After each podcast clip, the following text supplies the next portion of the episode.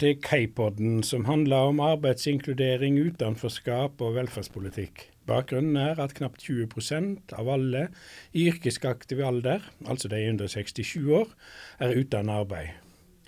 De politiske målene er å hindre at folk skal ramle ut av arbeid, og flere av de som er utenfor i arbeid, men samtidig å sikre rett til stønad for de som ikke kan arbeide.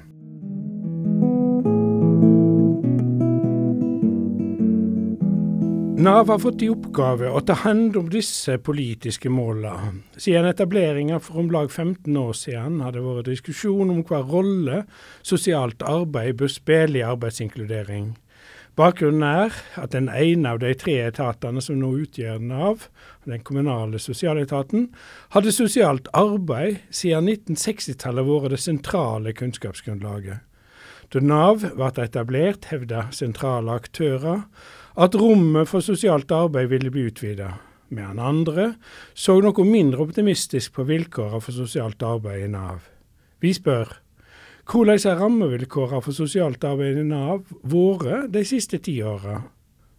Og hvorfor er ikke alle som arbeider ved Nav-kontorene, sosialarbeidere? Med meg i studio er Lise Cecilie Kleppe og Hanne Glemmestad. De er begge sosionomer og har i mange år undervist i sosialarbeiderutdanninga ved Oslo OsloMet og ved Høgskolen Innlandet. Og når de sitter her i dag, så er det òg fordi de sammen har redigert ei bok som heter 'Arbeidsinkludering i sosialt arbeid'. Velkommen. Takk. Takk. Hanne, du er profesjonsrådsleder i FO, eller Fellesorganisasjonen. Hva er oppgavene dine der? Ja, nå sitter jeg i politisk ledelse i FO, Fellesorganisasjon for barnevernspedagoger, sosionomer, vernepleiere, velferdsvitere i Norge. Eh, og Der eh, sitter jeg i politisk ledelse og jobber da med eh, ulike arbeidslivspolitiske spørsmål, med utdanningspolitikk, med profesjonspolitikk og ja, andre sosialpolitiske arbeidsområder, rett og slett. Og du Lise, du er nestleder i Institutt for sosialfag, og det blir kanskje ikke så mye tid til undervisning og forskning når en sitter i ledelsen for et institutt? Nei, det gjør nok ikke det. Da er man administrativt ansatt, så jeg underviser noe og forsker litt på fritiden, men primært administrativt ansatt. Men det er altså redigert denne boka som heter 'Arbeidsinkludering i sosialt arbeid'. og Hva var formålet med denne boka? Altså Det som var uh, ideen i utgangspunktet, var jo uh, å få plassert sosialt arbeid uh, grundig innafor dette her, hva skal vi si, arbeidsfeltet da, som kalles arbeidsinkludering. Eh, fordi eh, i sånn kjølvannet av Nav-reformen eller av Nav-etableringa, så, så, vokste det fram det som en type sånn spesialisert arbeidsfelt.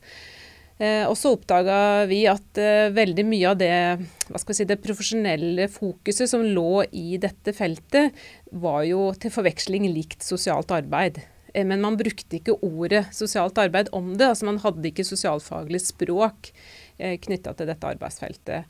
Eh, og da eh, mente vi at det er viktig å på en måte ta arbeidsinkluderinga hjem da, på en måte, og sette det inn i den fagforståelsen som, som vi kjenner. Sånn at det ikke blir på en måte et felt uten fag, men at uh, faget får på en måte en, uh, ja, sin rettmessige plass da, i dette feltet som kalles arbeidsinkludering.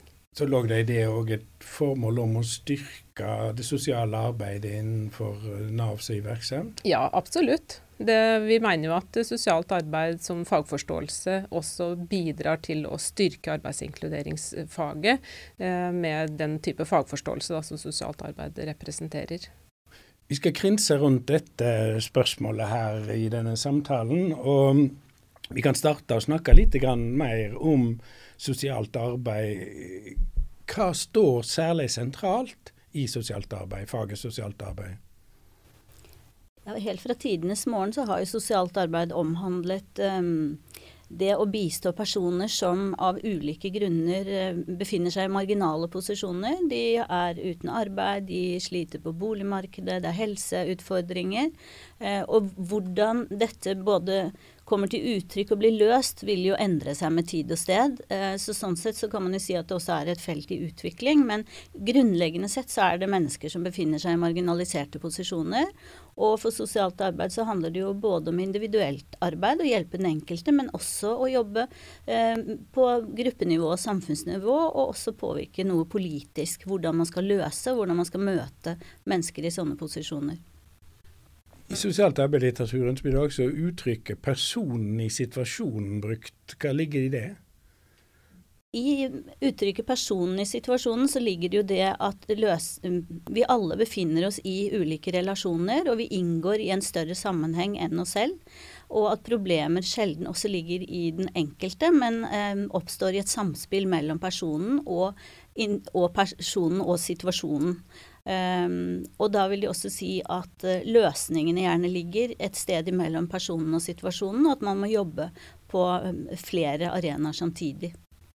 Vil det, er det et spesielt trekk for sosialarbeidere, eller er det et mer generelt trekk for uh, velferdsstatens yrker at de handler og arbeider med relasjonelle forhold? Det, det, er jo sosialt arbeid som har dette som en eksplisitt um, um, kjerne hva skal jeg si, fokuspunkt i arbeidet sitt. Eh, psykologer jobber jo mer med individene, selv om de også selvfølgelig forholder seg til individene i sine relasjoner. Eh, men sosialt arbeid er det faget som eksplisitt har dette som fokusområde. Mm. I, i, I hva grad eh, kan man si at sosialt arbeid er primært å forstå som et perspektiv? Altså en måte å forstå verden på, altså et verdifellesskap. Eller er det bestemte måter å gripe inn i verden på, altså et metodefellesskap?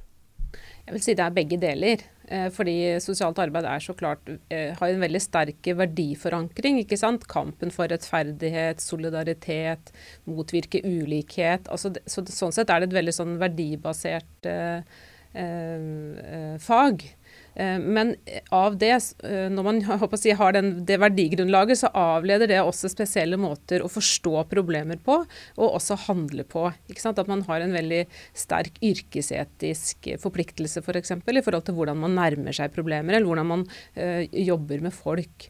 Altså den grunnleggende tanken om at vi alle er like mye verdt, at vi har alle ø, like mye rett til å delta i samfunnet på våre egne premisser. Um, at man skal behandle folk med respekt. Uh, at folk skal sjøl få lov til å være med og eh, bestemme hva er problemene i mitt liv, holdt jeg på å si, hvordan tenker jeg at de skal løses, osv. Så, videre. så det at det er et verdibasert fag, det avleder også at man har bestemte måter å jobbe på. Det gjør det. Og så tenker jeg jo også at det er Eh, jeg vil jo håpe at i fag så skal metoden springe ut av både perspektiver og teorier, så sånn sett så bør det jo være en sammenheng mellom de teoriene og perspektivene man drar på, og eh, hvordan man velger da å gå i gang med jobbingen og bruke metoder. Men så blir det i sosiallitteraturen også snakk om at dette er et fag med indre spenninger. Det er spenningene i faget som konstituerer faget, blir en av seniorene i faget har uttrykt det. Hva ligger det i disse spenningene i faget? Det er jo ulike spenningsfelt, da. ikke sant? Ehm, men det som kanskje er, er, blir aktualisert i veldig stor grad når man jobber f.eks. i Nav, det er jo spenningsfeltet mellom hjelp og kontroll. Det som vil si at Dette er et verdibasert uh, profesjonsfellesskap hvor man i grunnleggende sett skal hjelpe folk til å, å si, få sine rettigheter og få muligheter i livene sine. Samtidig som vi jobber innenfor en velferdsstatssammenheng. Altså Vi er på en måte også hva skal vi si, statens, eller myndighetenes redskap til å få satt sin politikk ut i livet. Og det er jo, det er jo noe som er litt Eh, eh, ikke, ikke, helt spesielt, men det er i hvert fall ikke uh, innenfor den nordiske velferdsstatsmodellen ikke sant, så jobber jo sosialarbeidere i veldig stor grad på oppdrag fra det offentlige. Og Sånn er det jo mange andre steder i verden. så er det jo ikke sånn der sosialarbeiderne mer fristilt, jobber med frivillig arbeid osv. Mens her så er vi, vi er litt sånn prisgitt velferdsstatens premisser. Og da skal man også føre kontroll med at de tjenestene og ytelsene som blir gitt, blir gitt på den måten som myndighetene har tenkt at de skal gis på, og at de ikke misbrukes eh, osv. Og, og der, der det, kan det være et spenningsfelt. Men kan det også være en spenning til mellom sosialt arbeid da, som et verdifellesskap og den politikken som skal iverksettes? Ja, ja, absolutt. Og det er det kontinuerlig, eh, tenker jeg. Og det er derfor det er viktig også at man har evnen til kritisk tenkning. Altså at man hele tida tar, si, tar, opp til vurdering eh, måter å jobbe på, måter å forstå problemer på, og hvordan dette virker inn på folks liv. Da. Og Det er nettopp derfor også det er så verdifullt å ha sosialarbeidere tilsatt i tjenester sånn som Nav f.eks., hvor man etter hvert har fått blitt litt sånn kritisert for at man ikke i stor nok grad har evnen til kritisk tenkning over egen praksis. Og hvis man tilsetter sosialarbeidere, så får man også folk som har evnen til å tenke kritisk over både hvordan man organiserer tjenestene, hvordan man driver tjenestene, og hvordan man ikke minst utover sin egen eh, eh tjenesteutøvelse. Men, men, hvordan vil dere karakterisere sosialt arbeid sin posisjon i Nav i dag? Vi kan kanskje begynne med å se Det har jo vært gjort noen studier hvor de har sett på hva slags stillingsutlysninger som Nav har. og Der ser vi jo at det er en veldig åpen utlysning, eh, hvor det er definert hva man skal jobbe med, og man skal ha høyere utdanning. Men det defineres ikke hva slags utdanning. Og så er det jo også sånn at Nav satser på mye intern kursing, hvor man tenker at folk kan uh, få internopplæring og være i stand til å gjøre, være veileder i Nav f.eks. Og det vi ser, som, som vi sett fra sosialt arbeidsståsted syns kanskje er litt rart, er jo at mye av den kursning, kursingen går jo på å sette folk i stand til å ha den kompetansen som sosionomer allerede har. Dette med å ha relasjonskompetanse, kunne møte folk, snakke med folk, noe juridisk kompetanse. Um, så det blir, eh, blir, litt sånn at man tenker at dette kan raskt gjøres ved litt enkel kursing, da. Og dette er jo villet politikk, tenker jeg, når man velger å ikke etterspørre kompetanse som finnes. Hvordan forstår dere det? Altså, hvorfor etterspør ikke Nav i større grad sosialarbeidere, hvis det er slik at sosialarbeidere allerede har den kompetansen som man trenger i dette arbeidet? Det er vel litt ulikt. Jeg har jo sett at på kontorer hvor eh, hvor det jobber sosionomer, og hvor det er ledere som er sosionomer, så er man noe mer på å etterspørre dette, og det gjøres veldig mye sosialfaglig arbeid. Og så er det andre kontorer hvor det ikke er i fokus. Så det er nok Nav er ikke Nav her, det er store ulikheter. Men dette er nok også del av et større eh, problemkompleks knytta til hvordan Nav er organisert, med partnerskapet og med en, et arbeids... Partnerskapet, hva tenker du på da? Ja, Partnerskapet mellom stat og kommune. ikke sant? Vi har en statlig styringslinje som er forankra i Arbeids- og velferdsdirektoratet. Og så har vi en kommunal styringslinje som er forankra ute i hver enkelt kommune. Eh, og hvor Arbeids- og velferdsdirektoratet jo ikke har noen instruksmyndighet overfor de kommunale tjenestene, men er mer et fagdirektorat.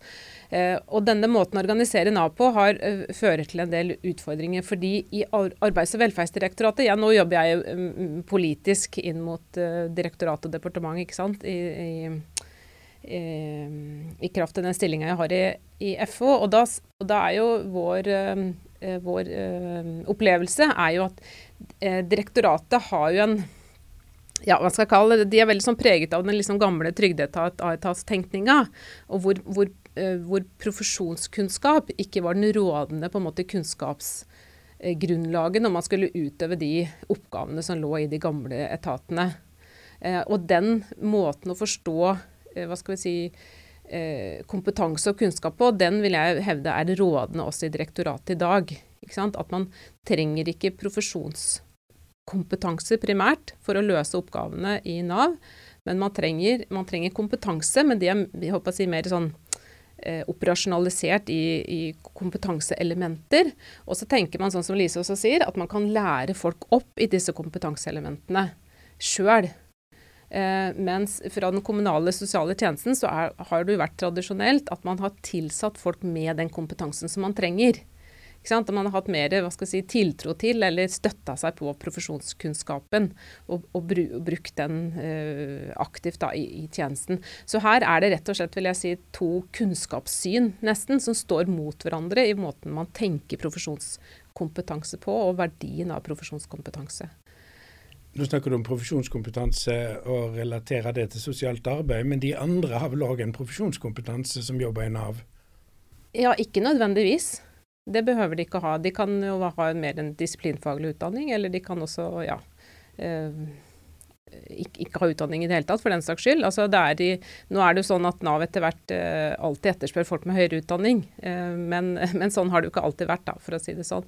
Men poenget mitt er at jeg tror at eh, man kan Man etterspør nok profesjonskompetanse noe mer nå i forhold til juridisk kompetanse, f.eks. Og etter EØS-skandalen så ble nok det veldig tydelig for Nav at her må vi styrke oss på Eh, kompetanseelementer som man ikke nødvendigvis bare kan liksom lære seg opp til eller gå på et kurs for å håndtere. Som, som han har blitt mye flinkere til å etterspørre eh, folk med juskompetanse. Og så er det også innenfor medisinsk kompetanse. Der etterspørs det også sant, leger som kan være rådgivende overleger. Men bortsett fra de to, så er det veldig få, som du også var inne på, Lise, stillingsutlysning hvor man helt spesifikt spør etter en profesjonskompetanse for å løse en gitt oppgave.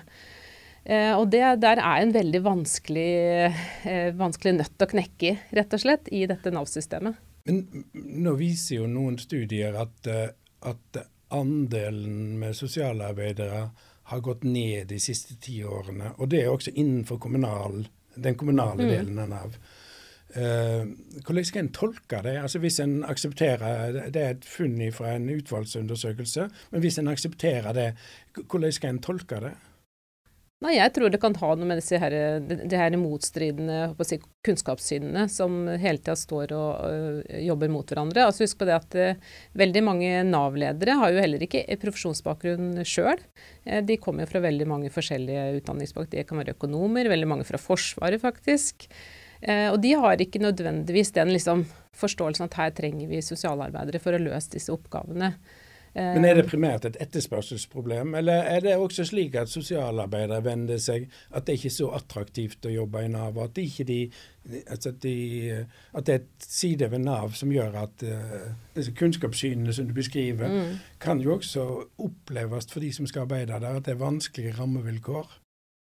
Ja, vi ser jo som fra utdanningens ståsted da, at uh, Nav er nok noe studentene våre er skeptiske til. og det, Jeg hører ofte at det sies at Nav skal jeg i hvert fall ikke ut og jobbe i. Eh, samtidig så ser vi at de som da har hatt praksis i Nav, de kan komme til å endre syn ganske dramatisk. Og de oppdager at eh, hvis de har vært heldige med en praksisplass, så har de erfaring for at det jobbes godt sosialfaglig i det Nav-kontoret de har vært på. Men, men samtidig så tror jeg nok en del blir skremt av alt det negative fokuset på Nav også, så det fremstår som en lite attraktiv arbeidsplass, kanskje. Det mm. tror jeg også er en del av bildet. Jeg har akkurat samme erfaring med deg som deg i forhold til det med studenter i praksis. Når de kommer tilbake fra Nav-praksis, så er de som regel litt sånn Nav-frelst. Mm. De syns det har vært veldig spennende, og de ser at det er rom for for uh, faget. Så det tror jeg absolutt er et element i det. Men uh, det kan også være sånn at uh, sosialarbeidere eller sosionomer som søker jobb i Nav, de må på en måte konkurrere med andre Hva skal vi si um, altså, ikke, de, har ikke noen fort, altså, de, ikke, de, får ikke noe fortrinnsrett, for å si det sånn. Det er ikke sånn at man etterspør sosialarbeidere spesielt, så de må også liksom konkurrere på lik linje med alle andre. Og, der, og, og det er jeg litt sånn opptatt av at uh, sosionomer, uh, både nyutdannede og andre som vil jobbe i Nav, de må være mye flinkere til å sette ord på kunnskapen sin. Og det er jo litt av bakgrunnen til at vi altså har skrevet denne, eller vært redaktør for denne boka, den andre boka som jeg har skrevet om oppfølgingsarbeid i Nav.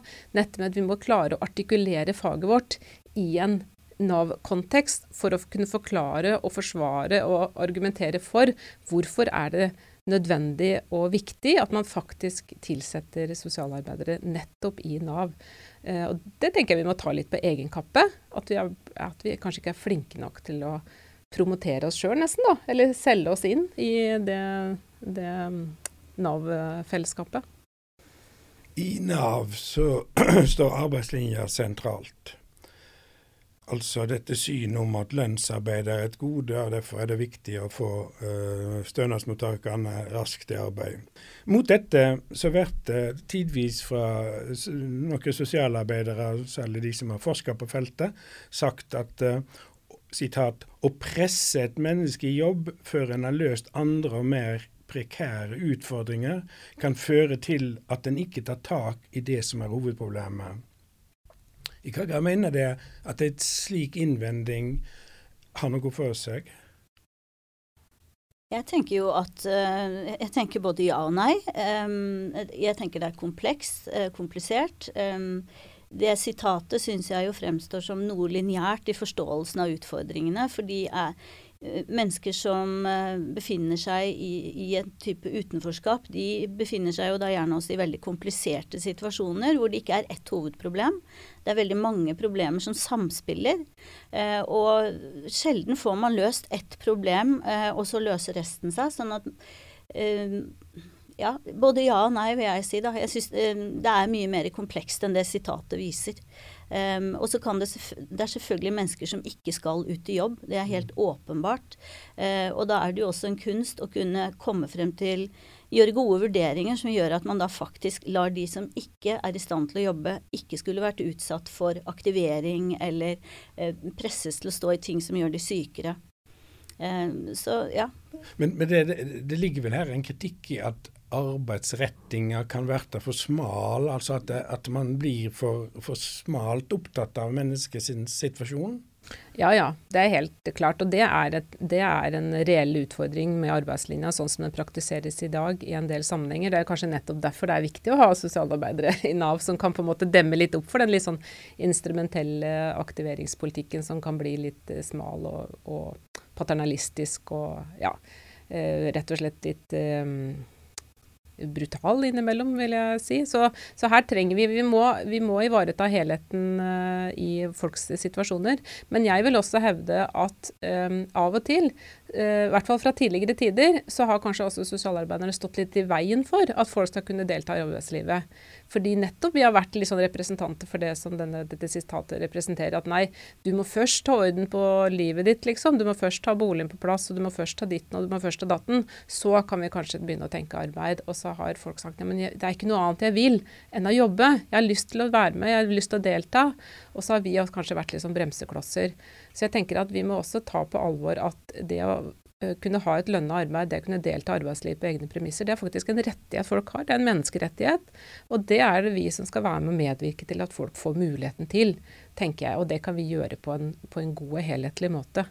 Så dette med å være orientert mot ordinært arbeid som mål og metode, som det heter i supported employment-tenkningen, det er en måte som sammenhenger godt med slik en tenker i sosialt arbeid? Ja, jeg tenker det kan uh, være et godt samsvar der, men det forutsetter jo gode vurderinger. Det er ikke alltid det samsvarer. Uh, men noe som også har blitt stadig viktigere i et rettighetsperspektiv, er jo at velferdspolitikken uh, er jo så tett knyttet til arbeidsmarkedspolitikken, sånn at det å bli stående utenfor arbeidsmarkedet får enorme konsekvenser i et livsløpsperspektiv, hvor man da blir, ender opp i evig eh, marginale situasjoner med veldig dårlig økonomi, f.eks. Sånn at den koblingen mellom arbeidsmarkedspolitikk og velferdspolitikk gjør det også veldig viktig at de som faktisk ønsker å jobbe og kan jobbe, kanskje ikke fullt, men at de også har en mulighet til det. Så vet vi også, jeg syns også begrepet livskvalitet er et viktig poeng når man snakker om disse tingene. Um, hvis det er sånn at det å stå i arbeid på en eller annen måte fører til bedre livskvalitet, uh, så syns jeg det er veldig rart at sosialarbeidere ikke skal være for det. Men i denne uh, supported employment-tenkningen så er det jo, legger en jo stor vekt på at uh, en skal samarbeide med eh, brukerne etter de er kommet inn i arbeid. og En skal ikke samarbeide bare med brukerne, en skal samarbeide også med arbeidsgiverne. Men er det samme kompetanse som trengs for å samarbeide med brukere og samarbeide med arbeidsgivere? Altså, det som har vært sosialarbeidens litt svake punkt, det er jo arbeidslivskunnskap. Uh, og Det er jo litt av det denne boka tar sikte på å bøte på. Altså Man må forstå arbeidslivet for å kunne sam samhandle godt med arbeidsgivere. Så der tenker jeg at, uh, at de nye sosialarbeiderne, de som utdannes nå, de kommer til å være mye bedre på det. For, også fordi det ligger inne uh, i de nye retningslinjene til sosionomutdanninga at man skal kunne, kunne noe om arbeidsliv. Men også i utdanningene? Ja, i utdanningen, ja. Og sånn at Når de kommer ut, så er de bedre rusta til å samhandle både med arbeidsgivere og med brukere. og for å klare å gjøre denne koblinga eh, mellom disse to aktørene. Eh, og det er veldig mye av de samme kvalitetene. Man, man bruker veldig mye av samme, si, samme tilnærming i forhold til det å jobbe relasjonelt, eh, rett og slett, inn også mot arbeidsgivere. De er også mennesker. Men det springer vel tradisjonelt også ut ifra at A-etat var de som hadde den kompetansen før, og da jobbet det få sosionomer. Eh, sånn at her ser man jo hvordan strukturene i velferdsorganisasjonen Nav da bidrar til å endre hvordan man skal jobbe på. Eh, hvilke måter man skal jobbe på. Så, men, men det å det er jo utviklet modeller nå for hvordan man da skal jobbe på relasjonen mellom arbeidstaker og arbeidsgiver eh, som jobbspesialist, som jo er en litt ny eh, måte å betegne denne oppgaven på. Um, og da er det relasjonelt arbeid fortsatt som er noe av det mest sentrale.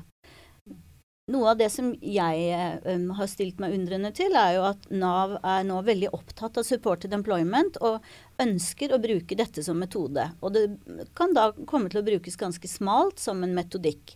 Samtidig så ligger det i supported employment at folk skal ha hjelp så lenge de har behov for det. Og det har jo ikke Nav kapasitet til, så det vil jo bli en opphopning av brukere i Nav da som aldri kommer seg videre. fordi nå er det jo sånn at folk med uh, komplekse utfordringer skal stå i en eller annen form for jobb hvis de kan og ønsker. Og da må de også følges opp i et mye lengre tidsperspektiv enn det Nav har ramme for. Og det er jo da Da kan man jo spørre er det virkelig supported employment Nav implementerer, når de da ikke velger å følge metodens eh, forutsetninger. Mm. Er, er, er, det mulig å si Er det sånn at sosialt arbeid som fag har et bestemt syn eller perspektiv på arbeidslinja? Altså, Hva er forholdet mellom sosialt arbeid som fag og arbeidslinja som eh, et politisk perspektiv? Nei, altså det er som uh, vi har vært inne på, at det å være i arbeid, det, uh, altså det ligger tett til uh, sosialt arbeids jeg, fagforståelse. Det å kunne være inkludert i sentrale arenaer for sosial inklusjon i samfunnet, hvorav arbeid er, er en av de.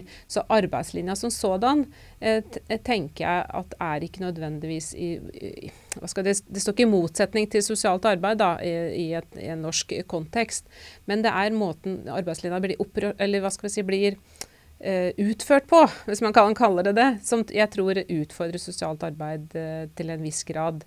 Um, og Det er jo derfor det er også viktig å jobbe, tenke politisk uh, som sosialarbeider, sånn at man kan jobbe for å påvirke hvordan politikerne da Eh, velger å implementere eller iverksette denne arbeidslinja da, ute i tjenestene. Et sentralt, eh, et, et sentralt, element i denne arbeidslinja er jo pliktig aktivering. Altså pliktelement. Arbeids, aktivitetsplikt. Og, uh, og i den internasjonale sosialarbeiderlitteraturen så vet jeg det er argumentert for at det er en konflikt det er som ild og vann, blir det sagt, mellom sentrale normer i sosialt arbeid og pliktig aktivering. Fordi denne arbeids... Altså aktivitetsplikten, den hviler jo på, og en, slik den nå er knytta til alle stønader, et krav om at du må oppføre deg på bestemte måter. Og hvis du ikke gjør det, så ligger det en trussel om at du kan få trekk i ytelsen, eller du kan misse ytelsen. Og da er det opp til den som arbeider i frontlinja å vurdere om en bryter eh, aktivitetsvilkår eller ikke, og eventuelt trekke og sanksjonere, som det heter. Eh, denne spenninga som har vært i den internasjonale sosialarbeidslitteraturen, sosialarbeiderlitteraturen, er det en spenning som blir diskutert her i Norge også? Jeg vet jo i hvert fall at det har vært uh, forsket på det, hvor man ser at uh, der hvor sosialarbeideren mener at vilkårene er urimelige overfor brukeren, så det er, det er, rett og slett enkelt å forstå at brukeren ikke har klart å oppfylle vilkårene, så sanksjonerer sosialarbeideren i mye mindre grad. Men de er også ganske villige til å sanksjonere der hvor de mener at vilkårene har vært rimelige. Um, jeg tenker jo at det er en systemutfordring at vi har sett vilkår om aktivering som ikke gir mening for folk. Det mener jeg er en utfordring. Og at, at, det blir sånne endeløse aktiveringsløp som ikke fører noen vei hen. Som virker mer nedbrytende enn oppbyggende, da, men som man likevel er nødt til å finne seg i for å få ytelsene sine. Og da er vi jo mer over på makt og kontroll enn hjelp. Men denne klient selvbestemmelse må jo komme i klem eh, med en pliktig aktivering? Men jeg tenker dette med hvordan aktiveringspolitikken har utvikla seg i Norge gjennom de siste åtte åra, da. Eh, det er jo en villet politikk. Eh, men arbeidslinja må ikke ha det uttrykket. Og jeg tenker, og jeg har jo håp til den nye regjeringa at de kanskje har en litt annen vei å gå. eh, i forhold til å håndheve denne arbeidslinja på en mer smidig og ja, raus måte enn det den foregående regjeringa har gjort, for å snakke litt politikk i det her. Så det er det jeg mener at Altså dette, det, handler selvfølgelig om hvordan liksom sosialt arbeid på sånn mikronivå i møte med mennesker, hvordan, hvilke, hvordan det kommer i, pre, i, press. Men dette er jo egentlig et stort uh, politisk spørsmål. Vi må til slutt uh, snakke litt om uh, digitalisering. Altså at disse endringsprosessene som nå foregår i kontakten mellom Nav og de som er avhengig av Nav sine ytinger og, og, og, og tjenester. Um, på, på hvilken måte kan den digitaliseringa endre eller påvirke vilkårene for sosialt arbeid? Ja, Det kommer til å påvirke sosialt arbeid, det, det, tenker jeg. Og Det ser vi også nå gjennom eh, koronaen, ikke sant? Hvor, koronaperioden, hvor man har måttet jobbe på nye måter. Og jeg tror Både i Nav og andre steder så har man måttet ta i bruk digitale løsninger på en helt annen måte. Um, jeg kjenner ei som jobber på Nav-kontoret, jobber med ungdom på Nav-kontoret på Gjøvik. Hun sier hun aldri har hatt så tett og god kontakt med ungdommene på det kontoret som hun har hatt nå den siste perioden. Det er mye lettere å snakke med og få kontakt med ungdommene på digitale flater på enten det er på å si, sende meldinger eller å ha digitale møter eller ja. Det, så det har på en måte senka terskelen.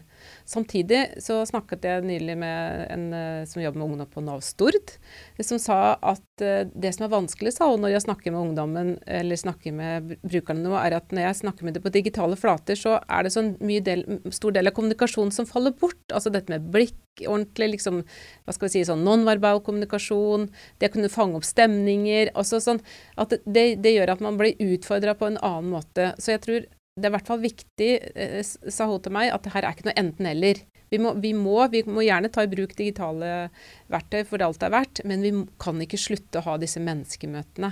Men det, det, det som er utfordrende der, må jo være altså, å finne grensene for når er det at og for hvem er det at mm. en digital løsning er god, og mm. når er det ansikt-til-ansikt-møter uh, bør tre til? Mm. Ja, jeg tenker jo at det er, for, for, noen grupper, sånn som ungdom, så kan det, dette være en stor fordel. For man treffer de der de er, og, de ha, og mange brukere kan ha vondt for å møte opp på et tidspunkt på et mm. kontor når man har avtaler. Så, så det er absolutt Jeg tenker at det er en mulighet som man må ta. Og jeg tror også at sosialarbeiderne og sosionomene der må oppøve en ny type kompetanse og drive relasjonelt arbeid digitalt. fordi det, man kan ikke bare overføre relasjonelt arbeid fra uh, live-situasjoner til en digital plattform og tenke at det går så det griner.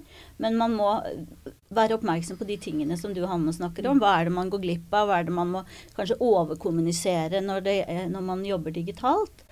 Og så er det jo ikke tenker jeg jo også at uh, det kan jo frigjøre tid. Hvis jeg skulle bli arbeidsledig, så kan jeg sikkert klare å orientere meg og fikse og ordne det mye av det selv digitalt. Jeg er ikke avhengig av at noen skal hjelpe meg eller innkalle meg til møter, kanskje.